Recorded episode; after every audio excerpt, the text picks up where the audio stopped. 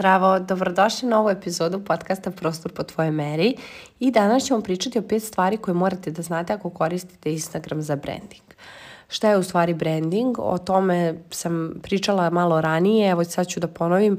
Branding je u stvari ono što razlikuje mene od ostalih arhitekata, ono što razlikuje vas od ostalih dizajnera ili nekog, e, da kažem, dekoratera od drugog dekoratera. To, je ono, to su one vrednosti u koje verujemo, to je naša misija, to je naša vizija, to je naš razlog zašto smo mi krenuli u ovo što smo krenuli.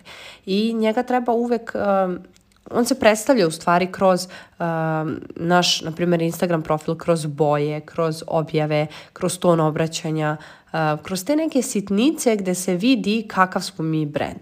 Na primjer, za Dior možemo reći da je sofisticiran, za neki drugi brand možemo da kažemo da je prefinjen, da je, a za nekoga možemo da kažemo, na primjer, da je um, ulični brend u smislu da podržava tu neku, evo ako se bavimo modnim brendovima, rekli bi da podržava tu neku uličnu modu, da e, nije toliko sofisticiran, da je okrenut na brzim fashion komadima i tako dalje.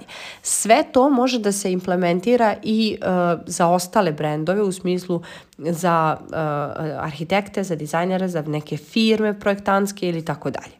Tako da postoji pet stvari koje morate da znate ako koristite Instagram i kako to možete vi da se izdvojite u odnosu na druge ljude, u odnosu na druge firme i tako dalje. Prva stvar koju treba da znate jeste da podelite priču kako ste krenuli, kako bi ljudi mogli da se povežu sa vašim zašto. Ja, kada sam delila tu priču, ja sam je podijelila u okviru objave, ali često podelim kroz story da ljudi mogu da znaju pogotovo novi ako dolaze stalno, ako vaš profil je u, fazi rasta, da vi znate, ljudi znaju u stvari zašto ste vi počeli, kako ste vi to krenuli, e, da li vi e, ste krenuli zato što ste htjeli ili zato što ste morali, šta vas je u stvari navelo i tako dalje.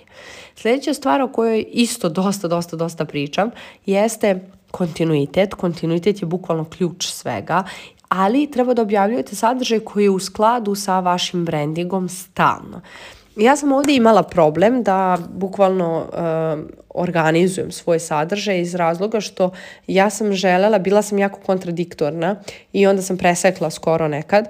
Eh, bukvalno eh, moj, moje zašto i moj razlog kretanja je bilo da želim da pokažem svima da je moguće da imate i estetiku i funkcionalnost u istom prostoru, ali gde je fokus na tome da ja želim vama to da napravim taj prostor i gde je fokus na luksuznom pariškom minimalizmu. takvi komedi namještaja i takvi da kažem, e, takav pristup je zahtevao veći budžet, zahtevao je nekoga e, rad sa, osobama koje e, znaju vrednost arhitekte, koji znaju šta bih ja sve njima mogla pomognuti, šta bih ja sve njima mogla da uradim i tako dalje. A onda sam se negde obraćala, to jest objavljivala kako nešto možete sami, kako, on, čak vas je učila preko kursa dom po tom kako vi tu sami da uredite sve.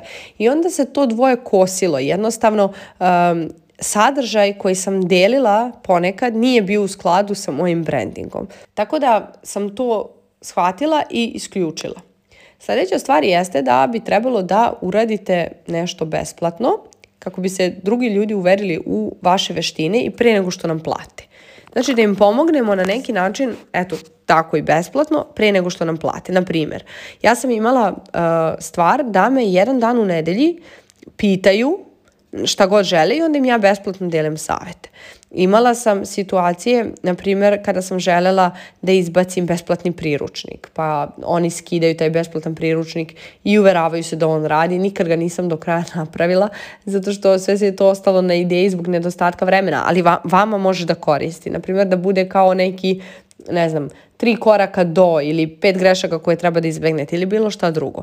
Znači, bukvalno da im date nešto što će oni moći da vide kako izgleda rad sa vama, da se uvere da vi znate da radite to što pričate i da eh, imaju neki rezultat i prije nego što vam plate. Sljedeća stvar koja je jako bitna jeste autentičnost. Znači ne treba nešto da glumite.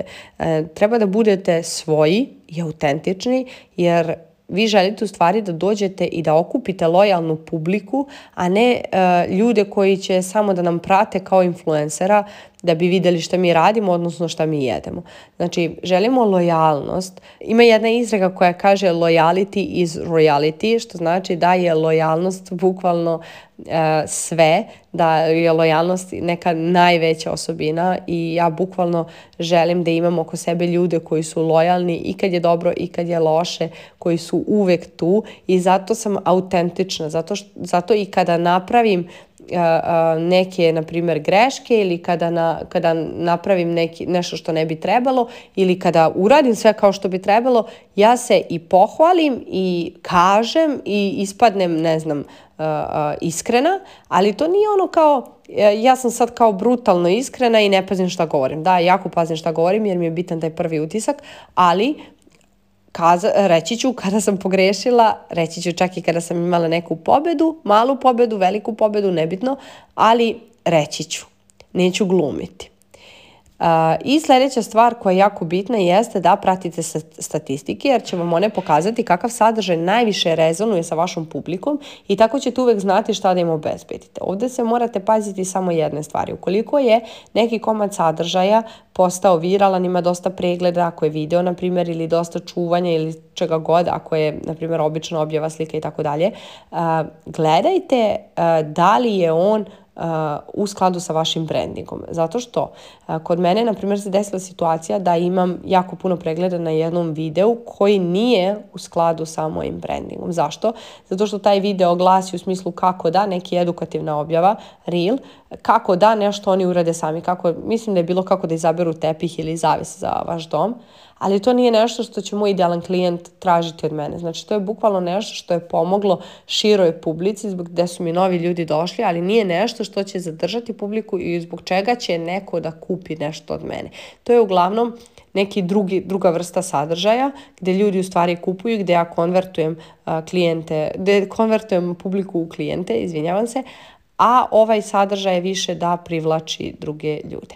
Tako da gledajte šta rezonuje sa vašom publikom, gledajte e, šta vi to možete više da im date onoga što oni žele, a u skladu je sa vašim brandingom.